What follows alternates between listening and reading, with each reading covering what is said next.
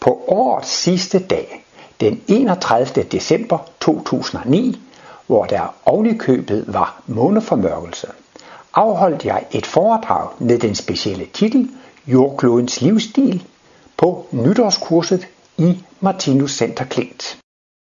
Det er en årlig tradition i Klint, at der bliver afholdt et nytårskursus på fire dage. Hvert år er der ankomst den 28. december, og der er afrejse kl. 12 den 1. januar. Det afsluttes med en fin brunch.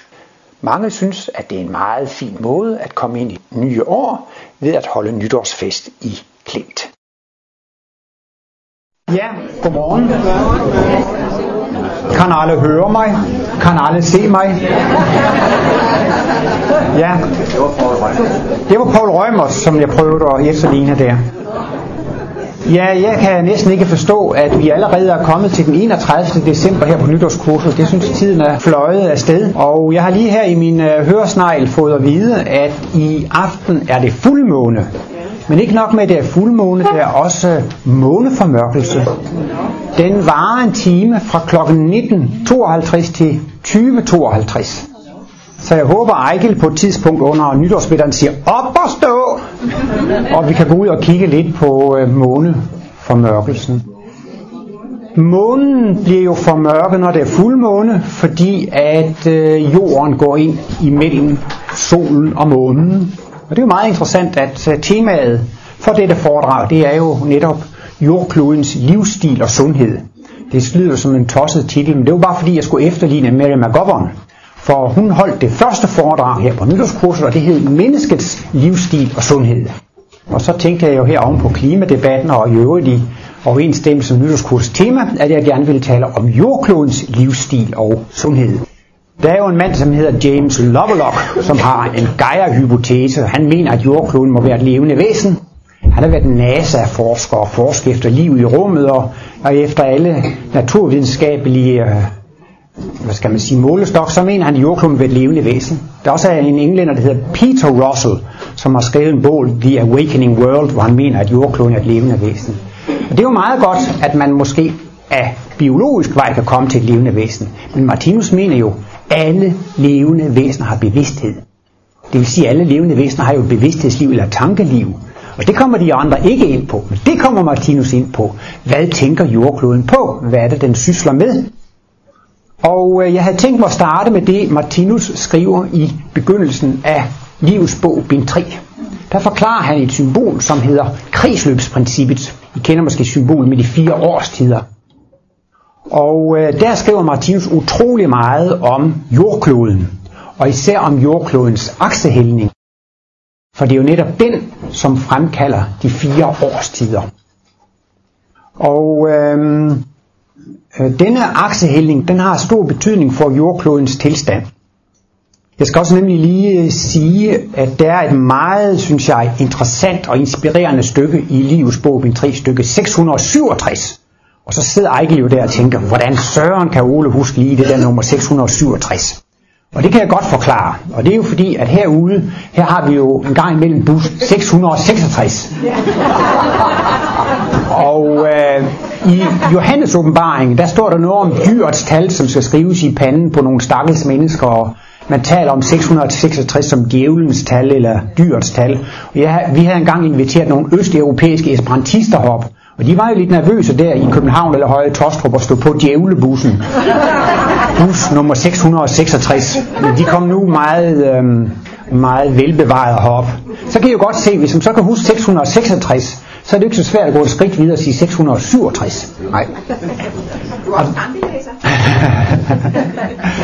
og der er altså, synes jeg, en meget inspirerende passage, for der skriver Martinus, at jordkloden i sin udvikling er nu kommet til et stadium, hvor den har bestemt sig for at tage hensyn til sine mikroindivider. Den har nu betaget en beslutning om, at den vil behandle sine mikroindivider kærligt. Og så skriver Martinus lidt overraskende, og derefter går vejen direkte frem mod indvielsen og den kosmiske bevidsthed. Og det er jo det samme forhold i alle spiralkredsløb, og derfor bliver det også et afgørende punkt, når menneskene begynder for alvor at sige, nu vil jeg tage hensyn til mine mikroindivider og leve noget, øh, leve noget sundere.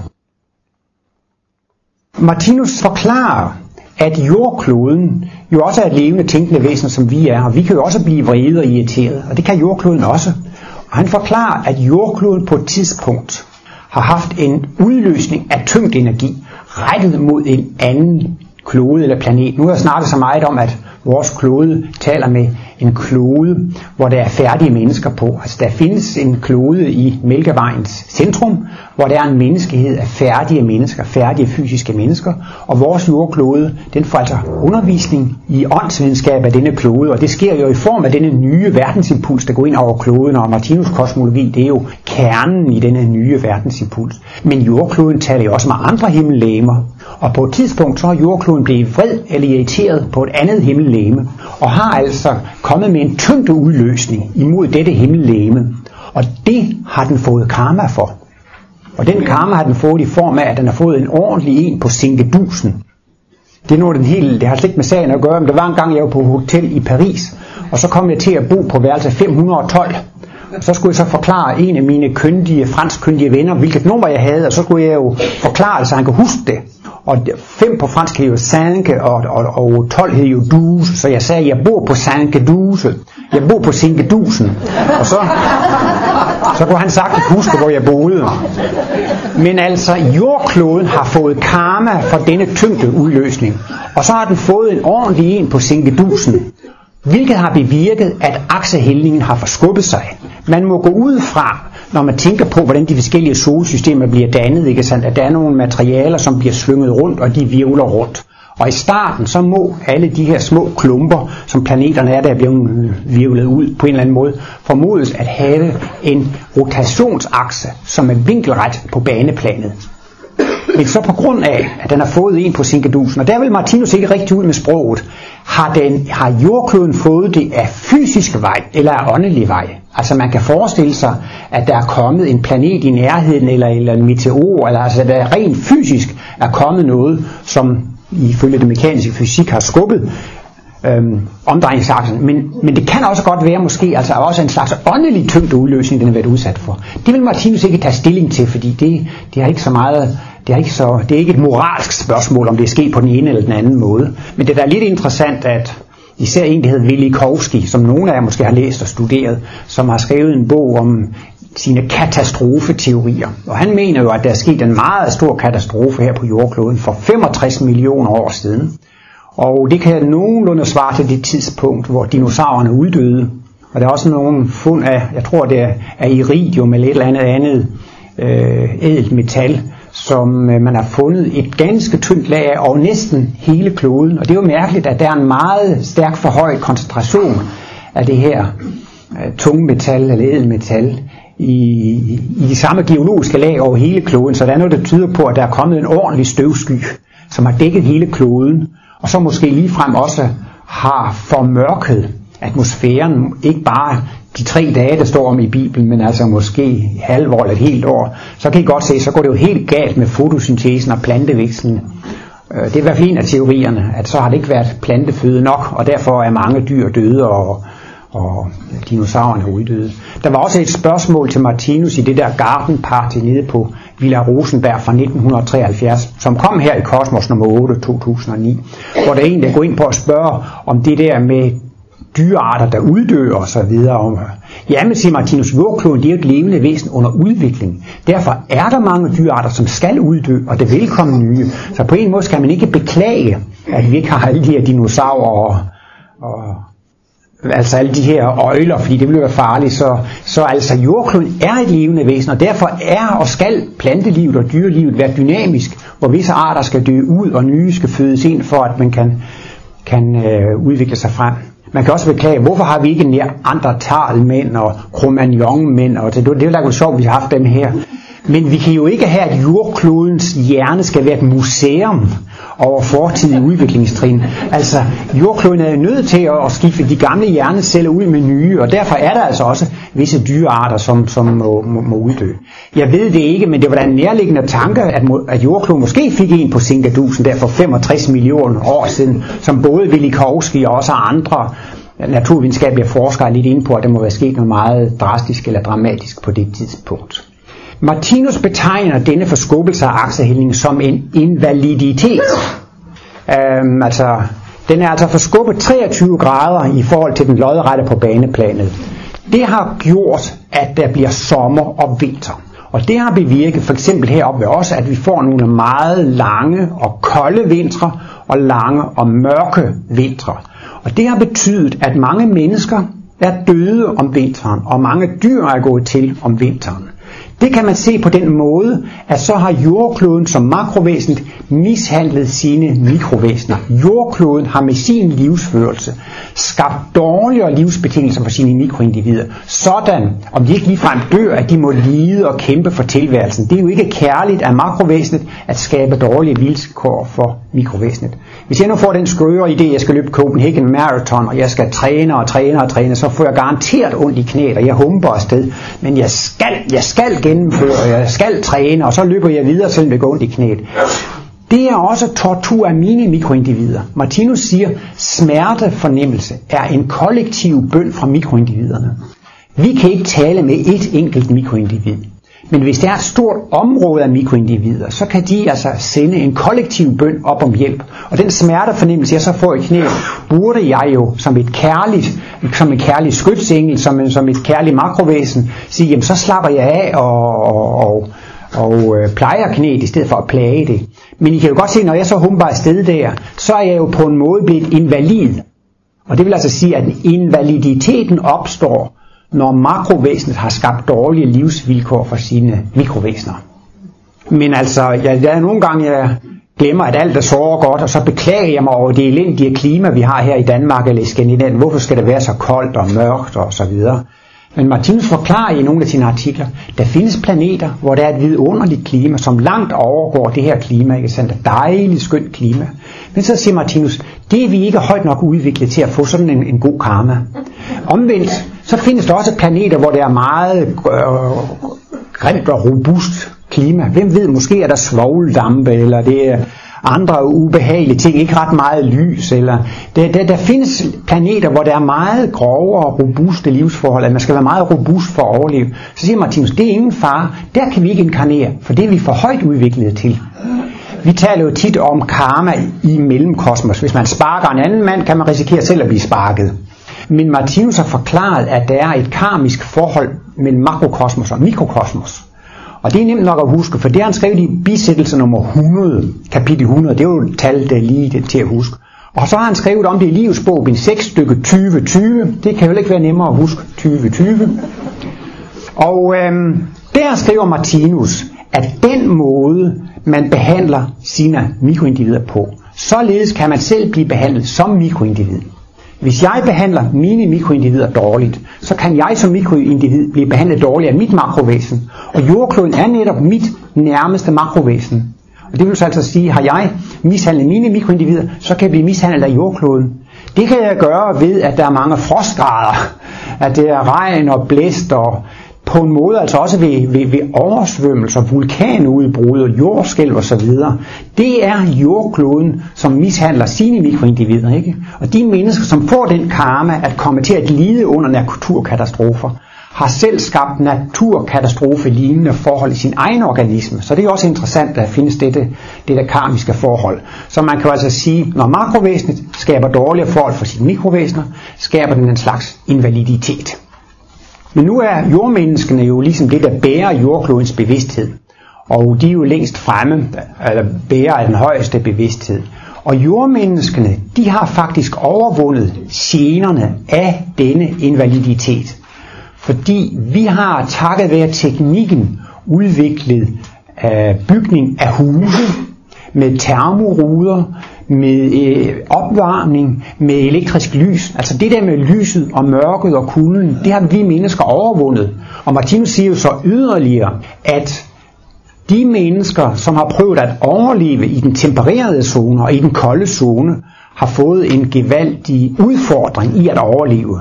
Og det har jo været en spore, altså en, en inspiration til at overvinde det, altså en, en, en, en inspiration til at udvikle sig. Martinus siger nogle gange, hvis man boede på en sydhavsø, og bare kan plukke nødderne ned, og man har en paradisisk tilværelse, så bliver man jo ikke presset til at lave, gøre nye opfindelser. Martinus mener altså, at teknikkens vugge, altså det, hvor man opfinder hele teknikken og sådan noget, det kunne umuligt have stået på en sydhavsø eller i de der tropiske zoner, hvor man ikke... Men netop i de kolde zoner, hvor man skal blive udfordret på at overleve, der kommer man til en opfindelse. Så kan vi bygge et bedre hus, så kan vi sætte glas i osv. Og også al den smerte og lidelse, man er blevet påført i de kolde zoner, har gjort, at man har udviklet sig. Og jeg har nogle gange været meget optaget af, hvor er der størst interesse for Martinus kosmologi? Det er da der, hvor man har de mest udviklede mennesker. Og det, det er måske fordrag for sig, men jeg jeg mener, der hvor man har den højeste skatteprocent, der er der størst interesse for kosmologien. På grund af lidelsen? Nej, men fordi at... Fordi skatteprocenten, den viser jo noget om det sociale velfærd. Det viser jo, at statsmagten er ved at være næstekærlig og tage sig af de stakler, som nu familien ikke længere kan tage sig af. Det er også der, hvor der er, er, er flest kvindelige ministre, eller der, hvor der er flest homoseksuelle, eller der, hvor der er flest skilsmisser, der, hvor man er længst fremme i udviklingen, der er der størst interesse. Men så netop også i de lande, som, hvor, den, hvor, de, hvor den teknologiske udvikling er længst fremme, der er der også den største interesse, og det skyldes jo intelligensudviklingen. Vi har så mange gode religioner og New Age-lærer, som stimulerer i den grad følelsesliv. Dem er der nok af. Men øh, der findes nogle udbredte intelligensmennesker, som har til en stor grad i hvert fald forladt trosreligioner osv. De har behov for logiske forklaringer. Og disse logiske forklaringer, dem kræver man først, når man er optrænet Øh, øh, intelligensevnen, og det har man jo netop i, i de teknologisk udviklede øh, samfund. Men indtil videre er det også helt udbredt min erfaring. Jeg har, jeg har jo rejst verden rundt. Ja, jeg synes jo, at interessen for Martinus kosmologi er så lille på den her planet, så jeg begyndte at indlede forhandlinger med NASA, om vi kan lave en rumrejse til en anden planet, hvor det kunne være lidt større interesse for, for kosmologien. Det er som om verden ikke er moden til kosmologien. Så er der nogen, der vender på det og siger, at det er Ole, der ikke er moden til kosmologien. Men i alle fald kigger man så ud, og med de erfaringer, vi har på instituttet, som er bogsal og abonnenter osv., så er det helt tydeligt, at den største interesse er i de kolde lande. Det er i de nordiske, i de kolde lande. Det er først og fremmest Skandinavien, men altså også meget Nordeuropa. Og jeg har også selv erfaret, hvis man kommer ned i, hvad skal man sige, de subtropiske områder, nogle få gange også de tropiske, ikke sandt? Der er der praktisk talt ingen interesse for kosmologien. Så der kan man også se, at det virkelig er sådan en temperaturgradient. Jeg så også engang et kort over USA. Det virker næsten ligesom et termometer. Alle stater, som havde dødsstraf og eksekverede dødsstraf, de var farvet røde. Så er der nogle stater, som har dødskraft, dødskraft, nej, dødsstraf, men de, de, de sætter den aldrig i værk. Og så er der nogle lande, som øh, ikke har dødsstraf, de har afskaffet den, ikke? Og de blev så farvet med grøn, ikke? Alle dem, der har afskaffet dødsstraffen med med grøn, de lå op under den kanadiske grænse. Altså i den kolde zone i USA, der var der ingen dødsstraf. Så var der et bælte hen midt over, der var orange, ikke? Og lige fra Texas og, og Arizona og sydstaterne helt over til Kalifornien, altså alle de der varme, land, varme stater i USA, alle havde dødsstraf og eksekveret den. Så det var næsten sådan ligesom et, et termometer, der viste den moralske standard i de forskellige stater, ikke sandt? Og sådan mener jeg altså også der med kosmologien, ikke? Og, og derfor er der altså den største interesse for kosmologien i de kolde lande. For der er man altså blevet udfordret. Man har man måtte kæmpe mod naturen, mod kulden, mod mørket osv. Og derfor er man så også blevet mest øh, udviklet øh, på de der steder, så det har også haft en vis fordel. Og Martinus skriver i hvert fald helt klart i livets bog, bind 3, at jordklodens aksehældning vil ikke blive rettet op igen. Det er ikke nødvendigt, fordi menneskene, takket være den teknologiske udvikling, så har de overvundet virkningerne, de uheldige virkninger af aksehældningen. Der findes så en et foredrag, som er blevet til en kosmosartikel, hvor han måske antyder, at jordklodens aksehældning kunne blive rettet op. Men altså, jeg har det jo med at prale, og jeg har engang taget et kursus i astronomi 1 på Københavns Universitet. Og der er altså efter dette, at med jordkloden har et vældigt omdrejningsmoment, ikke sandt? Og der skal altså en udefra kommende kraft til at ændre jordklodens omdrejningsmoment. Og så, så det er altså fuldstændig usandsynligt, at jordkloden på 3000 år skulle kunne få sin aksehældning rettet op. Og Martinus skriver der også i LB3, at hvis det skulle ske, vil det ske over, over millioner. Der er jo noget med, at jordkloden, der er jo en vis friktion, den bliver bremset lidt op. Jeg ved ikke, om det er nogle få sekunder eller millisekunder hvert år, at rotationen bliver langsommere. Og det er jo klart, at hvis man går tilstrækkeligt mange millioner år ud i fremtiden, så vil jo efterhånden jordens rotation blive langsommere og langsommere.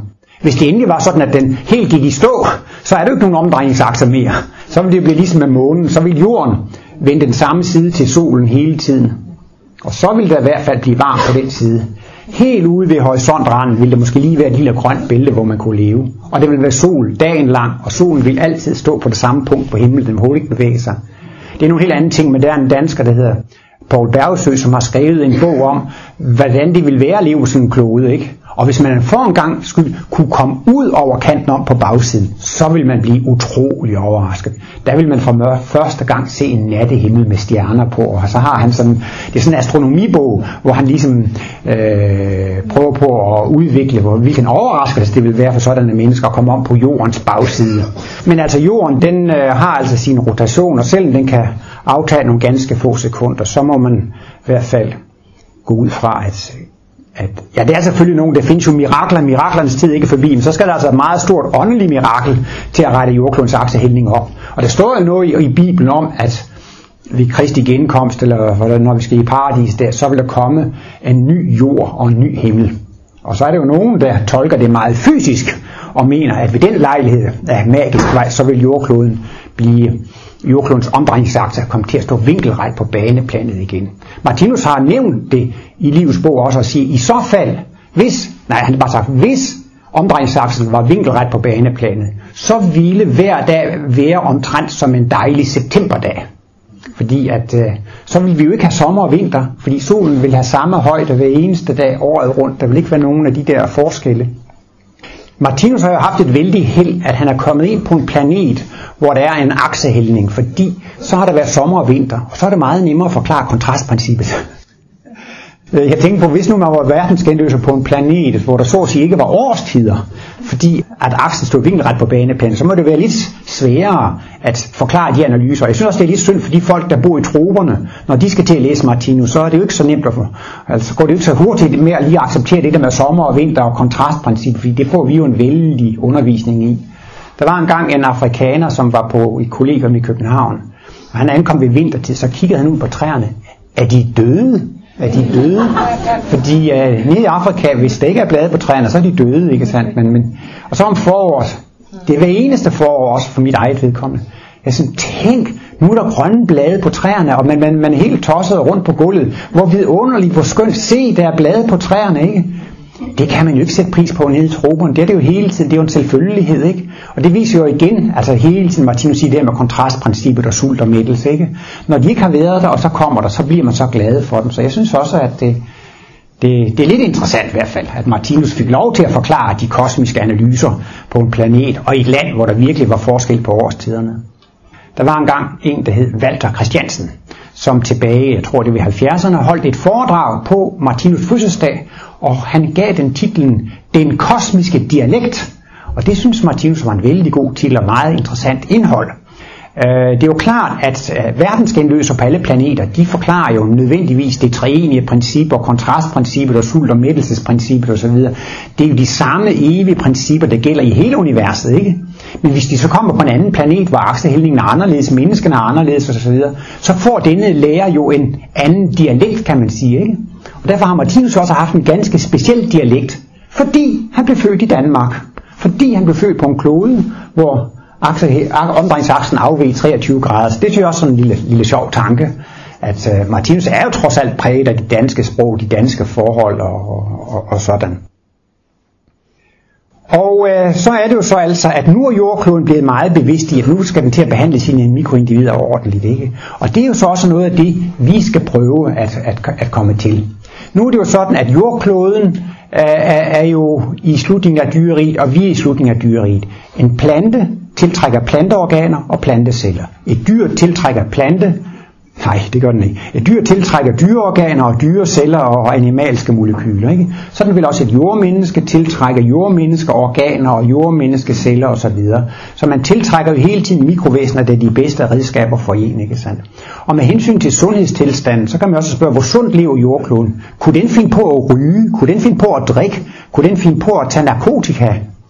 Jamen altså, hvis nu vi ser på den vestlige kultur, ikke sandt, så må man sige, der er jo blevet meget almindeligt med at drikke, ikke? Muslimerne, de drikker jo ikke, men det er jo utrolig udbredt. Hver weekend, så skal folk have en flaske rødvin, og der skal festes og, og, og, og så videre. Jamen, så må man jo sige, hvis der er millioner og millioner af mennesker, som, som for eksempel drikker alkohol i weekenden, ikke? Så kan man også sige, jamen, så drikker jordkloden jo også i weekenden. Fordi jordkloden oplever igennem os, så jordkloden oplever også igennem alle de mennesker, som er fulde. Er jordkloden narkoman? Ja, i en lille udstrækning, for det er jo mange af dem celler, som er narkomaner og tager narkotika, og i det omfang, så tager jordkloden også narkotika. Ryger jordkloden? Ja, det gør den da. Der er masser af mennesker på den her klode, som ryger. Og nu nærmer vi os jo nytår, og så er det jo mange, der har forestillet, nu skal jeg holde op med at drikke alkohol, nu skal jeg holde op med at ryge, nu skal jeg holde op med at drikke kaffe, nu skal jeg holde op med at spise søde sager, nu skal jeg holde op med at spise lavkager. Nogle gange så, og så har vi jo nogle vældige funderinger. Jeg skal ikke lige tage en kop kaffe og en lavkage der. Det står jo lige der, og det smager jo vældig godt, og det er hyggeligt. Eller skal jeg ikke lige gå på café, og så kan jeg sidde og kigge på andre mennesker, og skal have en rigtig god cappuccino, og så et stykke otello lavkage og sådan noget. Ej, det er altså for usundt, og det er ingen fibre i det, og det er jo stimulerende stoffer, og det, ja, og det er jo forresten også dyrt at gå derhen, og det koster jo meget, og det er koldt udenfor, og man kan simpelthen have så mange tanker omkring sådan en problemstilling. Ikke? Man tænker på den ene, og på den anden, og på den tredje og den fjerde side. Man har sådan ligesom en slags indre opgør. Ikke? Men det har jordkloden også.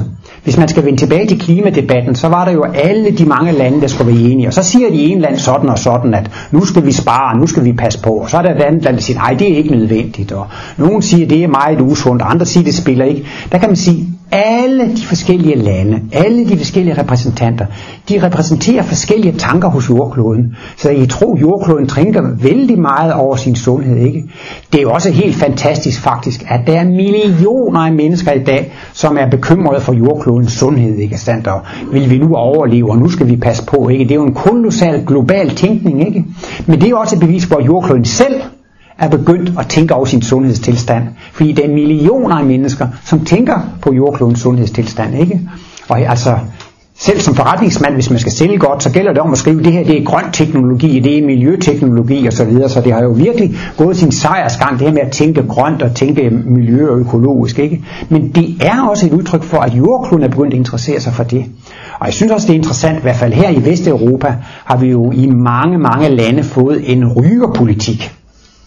Og jeg er altså blevet forbløffet over, jeg vil aldrig tro, at det kunne lade sig gøre at forbyde at ryge på banegården og der og der. Og, men, men det er jo mange lande og så videre, at, at, at det, det er indført rygepolitik. Ikke? Det vil jeg også sammenligne lidt med, at jordkloden har haft et nytårsønske. Nej, nu, nu, nu skal jeg, nytårsforsæt hedder det, nu skal jeg til at holde op med at ryge. Ikke? Og hvordan iværksætter jordkloden så sådan noget? Ikke? Jamen det kan godt foregå på den måde, at den inspirerer mennesker. Og så er der nogen i Folketinget, så udtager de en lov, en rygelov imod rygning. Så over i Irland, så vedtager parlamentet der derover en lov mod, mod rygning, ikke sandt? Så, så på en måde, så er det jo så de ledende politikere, de er så modtagelige for jordklodens nytårsforsæt med at holde op med at ryge. Så på den måde, så er der altså også et samspil mellem, kan man sige, de forskellige landes officielle sundhedspolitik og jordklodens ønske om at komme til at leve sundere, ikke sandt? Så, så selvom man må jo sige, at den her industrielle fremstilling af mad har jo skabt utrolig store sundhedsproblemer, ikke? Jeg var over i Rusland og holdt foredrag lige sådan efter faldet af kommunismen, ikke? Og derover der havde de jo ikke butikker med, med, med chips og bøger og jeg ved, kiks og kage og alt muligt. Der var næsten ikke nogen butikker. De levede alle sammen af deres, øh, af deres øh, kolonihave, og de, de spiste rødbeder og gulerødder og kartofler og løg og kål og, og, og brød, og hvad man havde af naturlige ting, ikke sandt? Ikke sandt? Sådan levede vi jo også i 1700-1800-tallet, havde en langt større sundhedstilstand, ikke sandt? Og vi er jo kommet til at leve så usundt, efter man er begyndt at bearbejde maden industrielt, ikke sandt? Og fremstille alle de her øh, kage og kunstprodukter og, og, og, og så videre. Så på den måde kan man så også sige, at uh, ligesom vi mennesker nu spiser utrolig meget junk food, så må man jo også sige, at så er jordkloden altså også med den her industrielle fødevarefremstilling gået i gang med at spise junk food. Men nu er det også ligesom, skal politikerne begynde at, at blande sig og sige, det er forbudt at sælge sådan noget junk food, eller skal man ikke? Men når der kommer lovgivning om at forbyde forskellige former for junk food, ikke? regeringen kan jo nogle gange sige, jamen vi kan ikke tillade, at der er så meget sukker i yoghurt og mælk, mælkeprodukter til børn, altså fordi det er for usundt. Eller skal vi ikke blande os i det? Men altså når ligefrem regeringsmagten blander sig i det, så kan man sige, jamen så er der også et globalt plan bagved det, at, at kloden er begyndt at, at bekymre sig om sit helbred, og vil så derved igennem de forskellige regeringer Martinus han talte jo også i forbindelse med pyramiderne om det her med, at faraonerne, de var delvis indviet i den åndelige verden. De var delvis indviet i jordklodeåndens viljeføring. De kunne altså være redskaber for, at jordkloden kunne, kunne gennemføre det i praksis, som, som den ville. Og Martinus skriver, at vi har en lille rest af det selv her i Danmark. Der er jo stadigvæk nogle vendinger med, at dronning Margrethe eller kongen er konge af Guds nåde. Og det mener Martinus, det er det, det, det, det, det er de sidste rester af det, at faraonen eller kongen var indviet ved Gud, ikke sandt? Og det er jo, man kan sige, eller altså Martinus har to definitioner af forsynet. Altså forsynet i den ene definition, det er simpelthen bare guddommen, ikke? Men man kan sige, Guds nærmeste lokale repræsentant i forhold til menneskeheden, det er jo jordklodånden, ikke? Det er jo det nærmeste makrovæsen, vi har, ikke sandt? Og på den måde, så repræsenterer jordklodånden jo på en måde også guddommens ånd. Og derfor bruger Martinus nogle gange ordet forsynet om om de kristusvæsener, som er i jordklodens åndelige atmosfære. Der findes kristusvæsener, som er med til at lede og styre jordklodens skæbner og udvikling. De er også med til at planlægge krige og, og se til at flytte folk rundt, så de er på de rigtige steder til de, til de rigtige tidspunkter. Så Martinus bruger altså også ordet forsyn i, i, i en snævrere betydning. De kristusvæsener, det er i jordklodens atmosfære. Men det er jo det samme alligevel, fordi disse kristusvæsener er jo et organ i guddommen.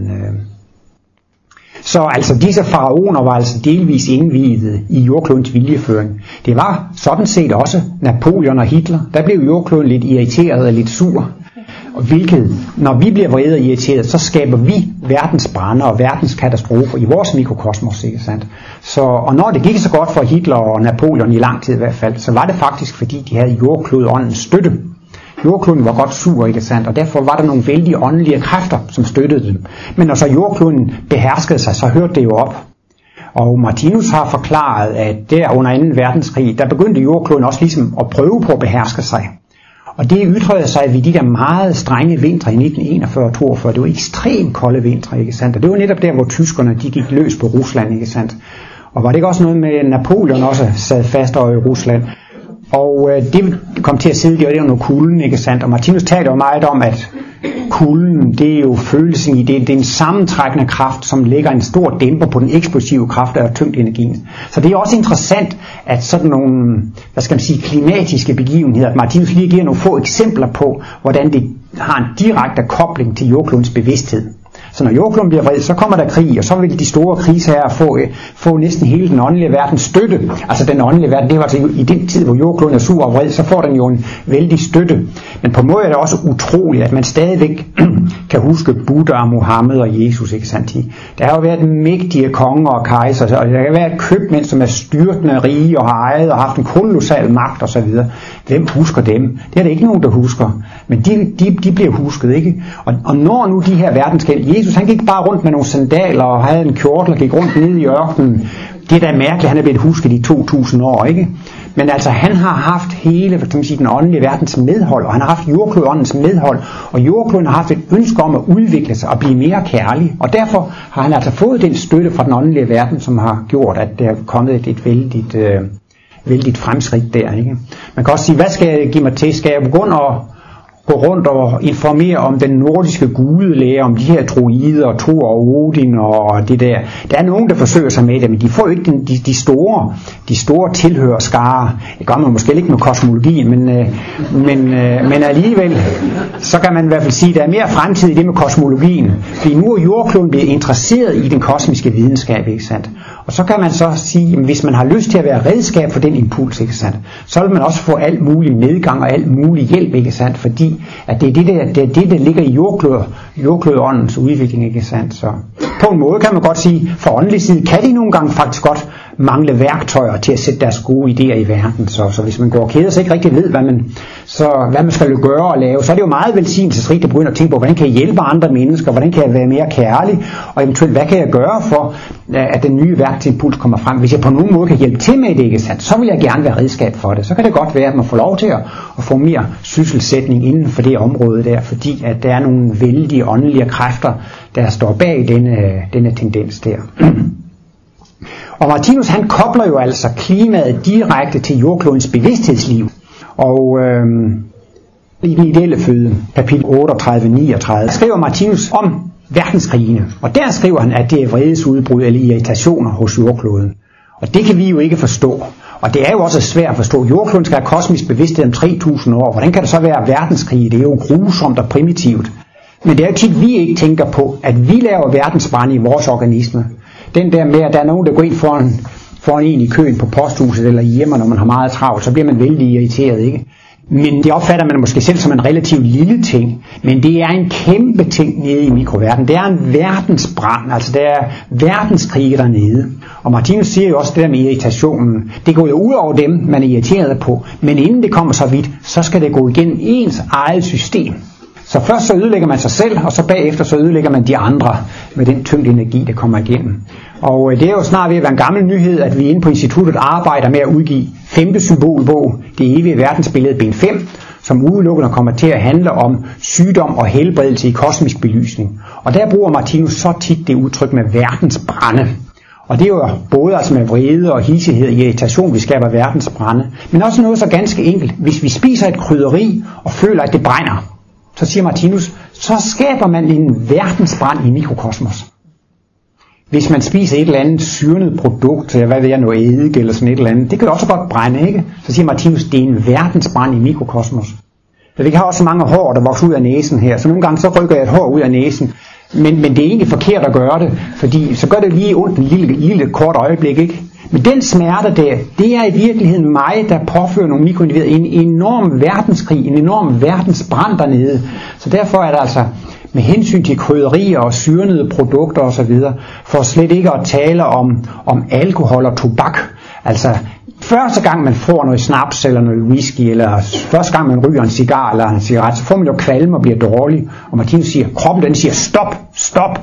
Men hvis man nu er ihærdig og bliver ved, ikke sandt, så siger man jo så til sidst, åh, den Chivas Regal, lager 12 år på egetræsfad, mm, det, det er det rene paradis, men men, men det, det brænder, og Martinus siger, ja, menneskene, de vil jo have det der river og flår i sansorganerne.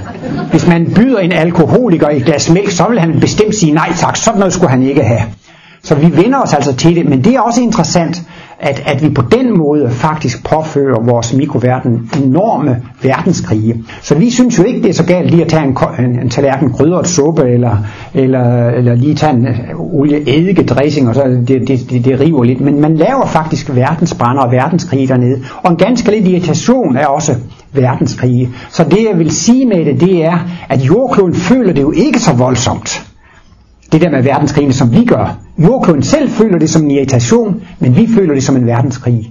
Og igen, altså det vi føler som små ting, det er faktisk store og alvorlige ting nede i, i vores mikrokosmos. Og det kommer der altså meget om. Det er femte mange gange, jeg sagde, at den kommer før sommer, før sommer. Men nu er jeg godt over til at sige, at den kommer efter nytår. ja, det er det. Martinus har jeg altså også givet udtryk for, at vulkanudbrud og jordskæl, det er udslag af jordklodens bevidsthedsliv. Det er en slags nervereaktioner, tror jeg, han bruger i, i, i et kursusforedrag, og siger altså, at det er nervereaktioner hos jordkloden. Altså, vi ved jo godt, at der er vores blodcirkulation, og luften går igennem lungerne, og der er jo en masse processer, der er en masse ting, der bevæger sig ind i min organisme. Ikke? Der er det jo relativt nemt at forstå, det er mig, der er skyld i, at blodet cirkulerer, at det ånder, at der kommer mad ind osv. Alle de mange, alle de mange fysiologiske processer, der er i min organisme, det er mig, der er ansvarlig for det, og det er altså et udslag af mit bevidsthedsliv. Hvis jeg døde, og sjælen trak sig ud, jamen så var der jo ikke noget blodcirkulation, ikke nogen fordøjelse, ikke noget åndedræt. Altså det er jo, det er jo udslag af mit bevidsthedsliv i den sidste ende, at alle disse processer sker der. Det, det er ikke tilfældige og døde kræfter. Men ikke desto mindre, så tror man jo, at klimaet skyldes mere eller mindre tilfældigheder. Hvis nu der er en, en sommerfugl, det letter over i Himalaya, så øh, et halvt år senere får vi en orkan her, eller de har sådan nogle tilfældighedsteorier, og man kan aldrig vide, hvad der sker det ene og det andet sted, og man taler jo også mere eller mindre sådan altså om, om klimaet som, som døde naturkræfter. Normalt regner meteorologerne overhovedet ikke med, at jordkloden er et levende væsen, men det regner Martinus med. Og ligesom vi kan forstå, at jeg er årsag, mit bevidsthedsliv er årsag til alle disse fysiologiske processer i min organisme, så er jordklodens bevidsthedsliv også skyld i alle klimatiske forhold. Det altså i alle, alt hvad der har med oversvømmelser, vulkanudbrud, jordskæl, alt hvad der har med tyfoner, tornadoer, med lavtryksvejr og storm og regn og kulde og frost osv., det er alt sammen udtryk for jordklodens liv. Det er, Martinus har også nævnt noget, som, som er lidt specielt. Han har også nævnt, at solsystemet er et levende væsen. Og det vil jo sige, at det er faktisk ikke bare jordkloden, der bestemmer det klima, vi skal leve i. Altså solsystemet er også med til at bestemme det klima, vi skal leve i. Og mærkeligt nok, så har Martinus nævnt denne magnetiske stråling, eller denne kosmiske stråling, der kommer fra solen af. Og nogle gange så er der mange solpletter, og så kommer der mere kosmisk stråling øh, end andre tider. Og øh, blandt andet jo nordlys, det er jo også et udslag af, at der kommer nogle magnetiske solvinde, som så i vores ionosfæren og så videre kan skabe de der, skabe de der lysforhold. Men Martinus har nævnt i foredraget, at øh, folk med svagt hjerte og så videre, de kan risikere at dø under sådan en magnetisk storm. Eller han nævner eksempel, hvis der er en eller anden tjener, som kommer gående med sin bakke, så lige pludselig så kan han blive svimmel og falde om og tabe sin bakke. Og der siger han ikke bare svagt hjerte, men altså også visse folk, som har et svækket nervesystem. De kan altså under sådanne magnetiske storme eller kosmisk stråling blive påvirket af det og faktisk blive syge eller dårlige af det. Men Martinus siger, at hvis man er normalt sund og rask, så vil man ikke blive påvirket af de der ting. Men det er også lidt interessant, at vi faktisk også, vores livsvilkår også direkte er påvirket af det. Og med hensyn til meget med, med klimaproblematikken er det jo meget interessant med den danske forsker Henrik Svensmark, som øh, er gået lidt imod CO2-teorien. Så derfor er han jo rigtig kommet på, hvad skal man sige, kommet i skammekrogen af den etablerede videnskab. Men man må også sige, at det var lidt mærkeligt, da han på klimakonferencen fik lov at fremføre sine synspunkter. Så fik han hjerteproblemer. Han havde pacemaker og faldt sammen. Og, og, så inden kan man jo altså sige, at måske er han galt afmarcheret på det, og så blev han stoppet. Eller man kunne også tolke det på den måde, at det var ikke meningen, at han skulle frem med sine synspunkter der. Det, det, var, det, var, ikke det, det, var, ikke på, det var ikke det rigtige tidspunkt til, at de skulle frem eller sådan noget. Men jeg synes altså, det var meget utroligt, at han blev stoppet der. Der er måske nogen af jer, der har set, der har været flere udsendelser i DR1 og 2 om, om Svensmarks teorier. Øh, det er blandt andet det, altså at vores, han mener, at vores klima styres af makrokosmisk af makrokosmos, af makrokosmiske forhold. Altså, på visse tider, så er der mere kosmisk stråling eller magnetisk stråling fra solen. Og så når, jeg kan ikke lige huske, hvordan det er, men det er et eller andet med, hvis, hvis der er meget stråling, så kommer der mange kim i atmosfæren, så kommer der mange skyer, og så bliver det koldere. Og så er der så perioder, hvor det ikke er så meget stråling, så bliver det ikke lavet så mange krystalkimer, så bliver der mere solskin, og så bliver det varmere. Og det vil altså sige, at han har påvist nogle sammenhænge imellem magnetisk stråling på solen og temperaturen på jordkloden. Men han har også undersøgt den magnetiske stråling i Mælkevejen. Det var det, jeg fortalte. Vi bor i en af de ydre arme af Mælkevejen, det hedder A38.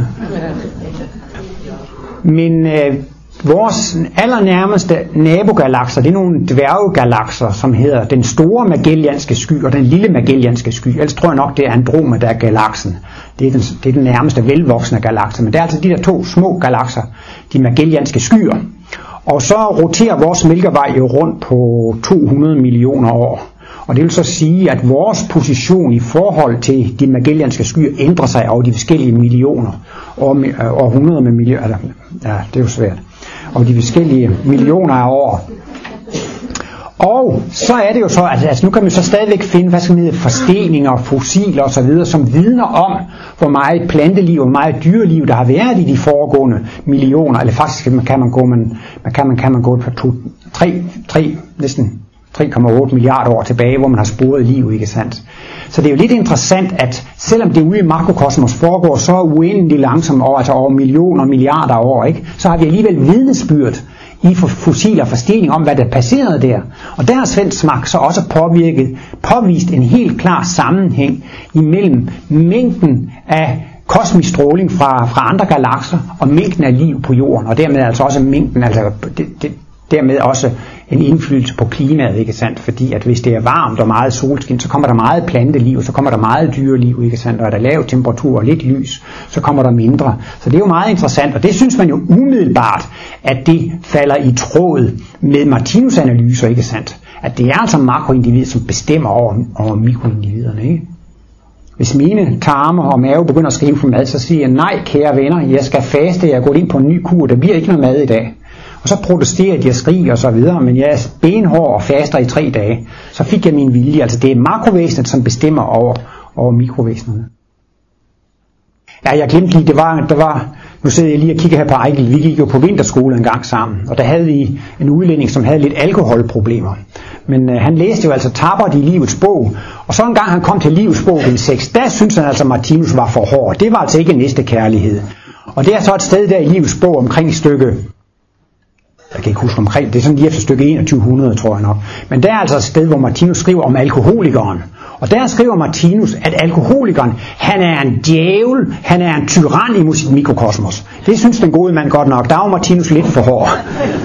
Men der udmaler Martinus jo altså, hvordan øh, at alkoholikeren hælder et, et giftstof ned, og mikroindividerne har jo ikke nogen chancer for at flygte. De er simpelthen nødt til at finde sig i, at der simpelthen bare dag efter dag efter dag kommer masser af, af giftstoffer ned. Og det kan også være det samme med en ryger, ikke sandt? Altså lungecellerne, de kan ikke bare sige, nu ser jeg farvel og tobak, og så, så diskarnerer de.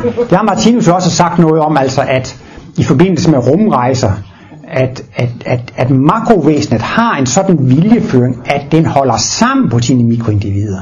Det kunne jo være kønt, hvis mine mikroindivider lige pludselig sagde, at nu gider vi ikke være ved Ole, men vi vil hellere tage Ejgil og Henry og sådan noget. Så hopper de ud, og lige pludselig så står jeg bare sådan en afribet skelet tilbage. Fordi alle mine, alle mine mikroindivider, de vil hellere bo et andet sted. Så, sådan kan det jo ikke foregå.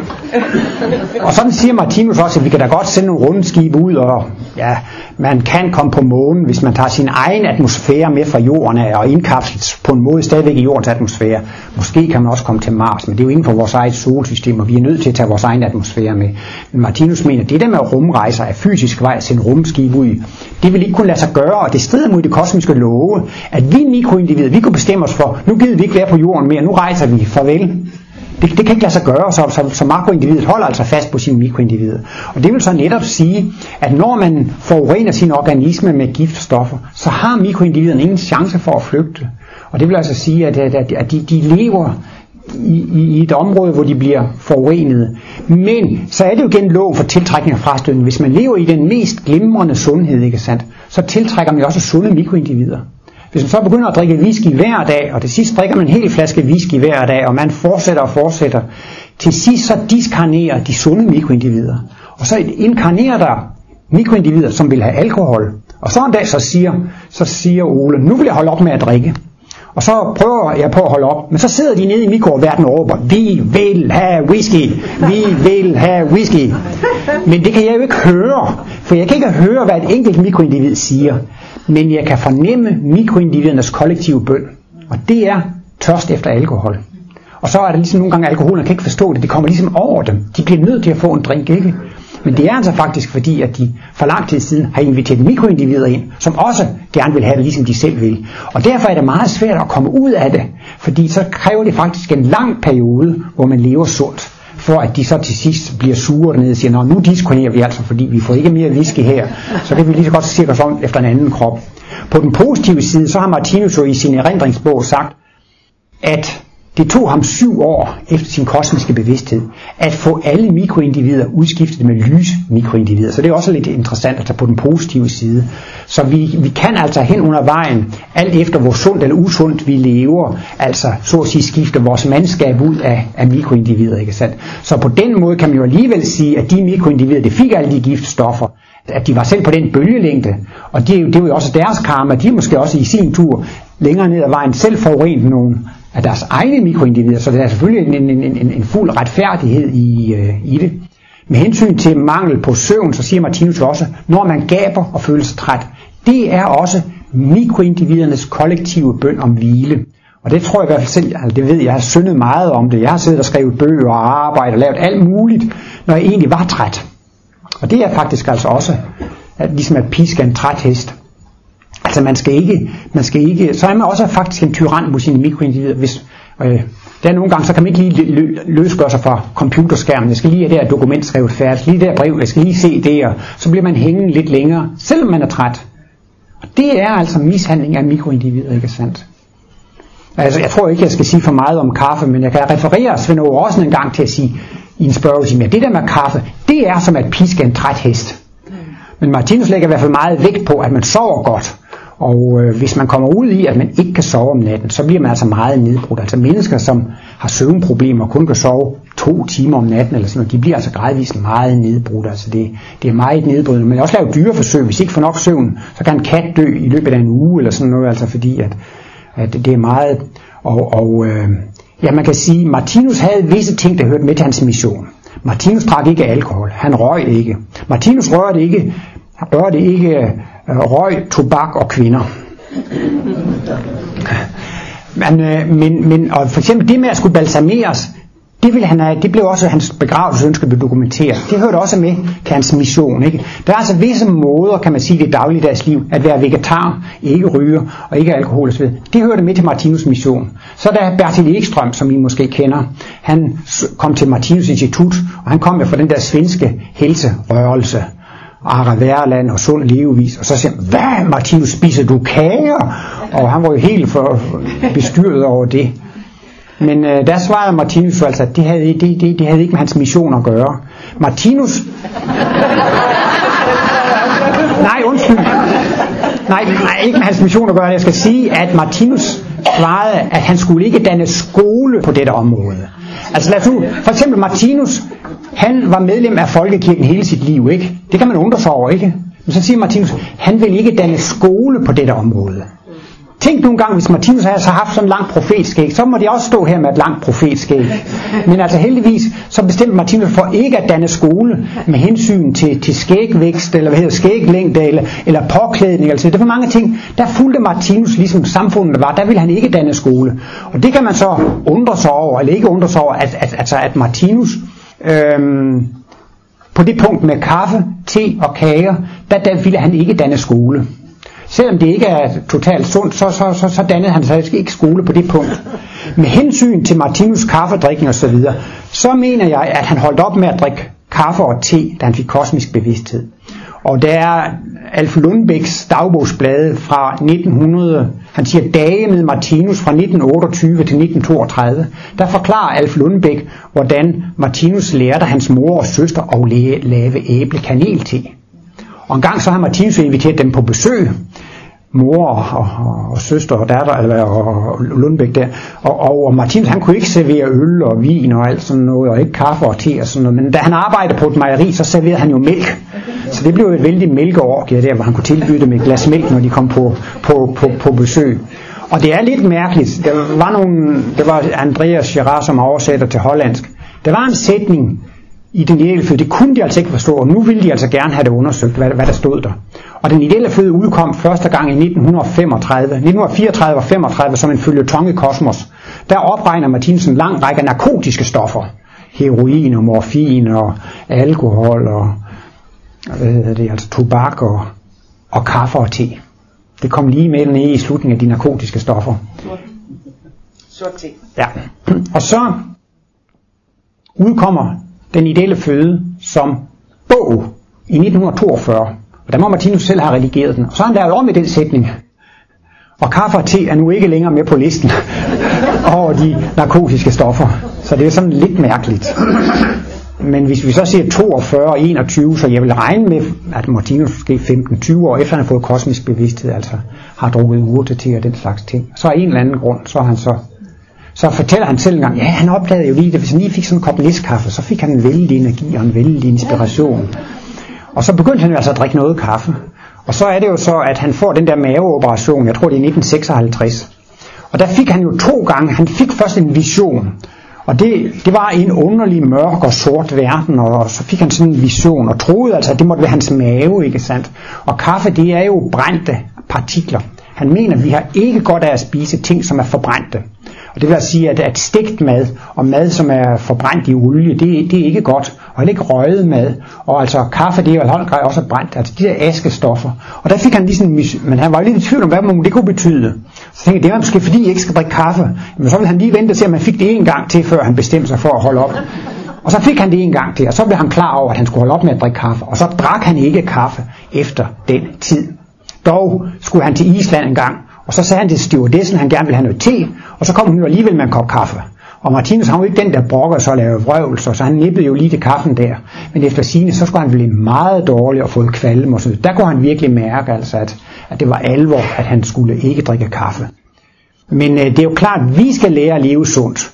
Og det er jo faktisk lidt svært at være pioner. I dag er det jo, vi er jo en slags pionerer, når vi vil leve sundt, ikke sandt? Altså, hvem kan købe kogte grøntsager med DSB eller i øh, kort og godt kioskerne og sådan noget. Jeg synes, når jeg er ude at rejse med foredrag, det er svært at få gode, sunde måltider med, med kogte grøntsager, men det er nemt at få ostemad og brød og kiks og chips og, og men jeg mener, Martinus kommer jo for det rigtige menneske. Han har jo overvundet det en gang, så at sige.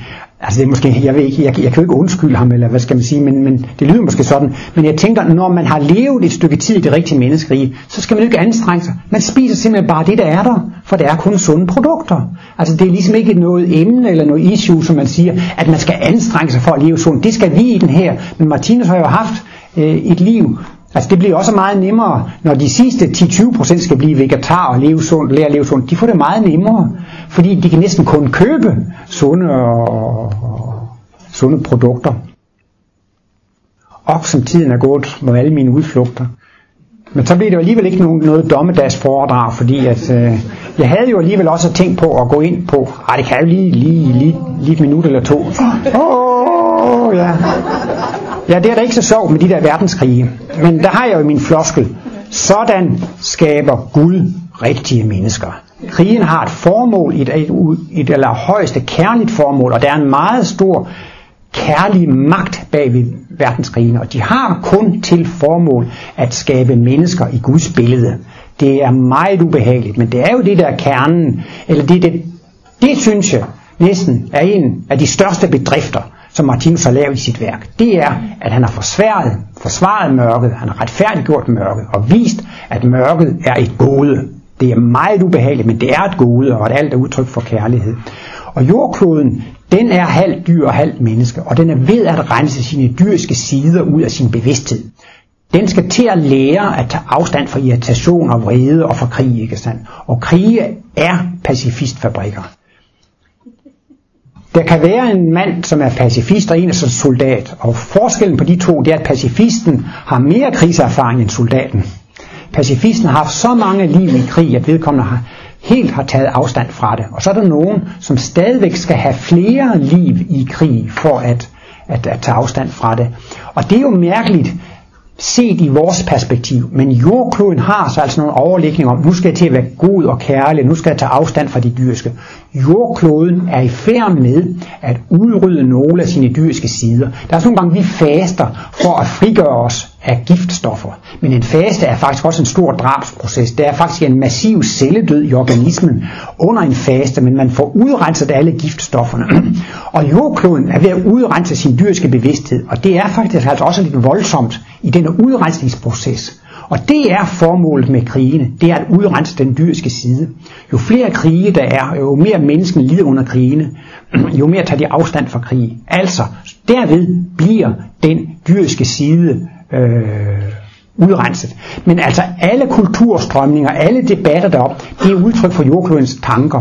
Den egyptiske, den græske, den romerske og alle de højkulturer, der har været, Limurien og Atlantis osv., det er alt sammen udtryk for jordklodens tanker. Så det er jo også lidt sjovt, at man kan være tankelæser ved at studere jordklodens historie. Og netop hele klimadebatten, så overvejer jordkloden, jamen det er jo det der med CO2, og det er det der med det der om økonomien osv. Så, videre.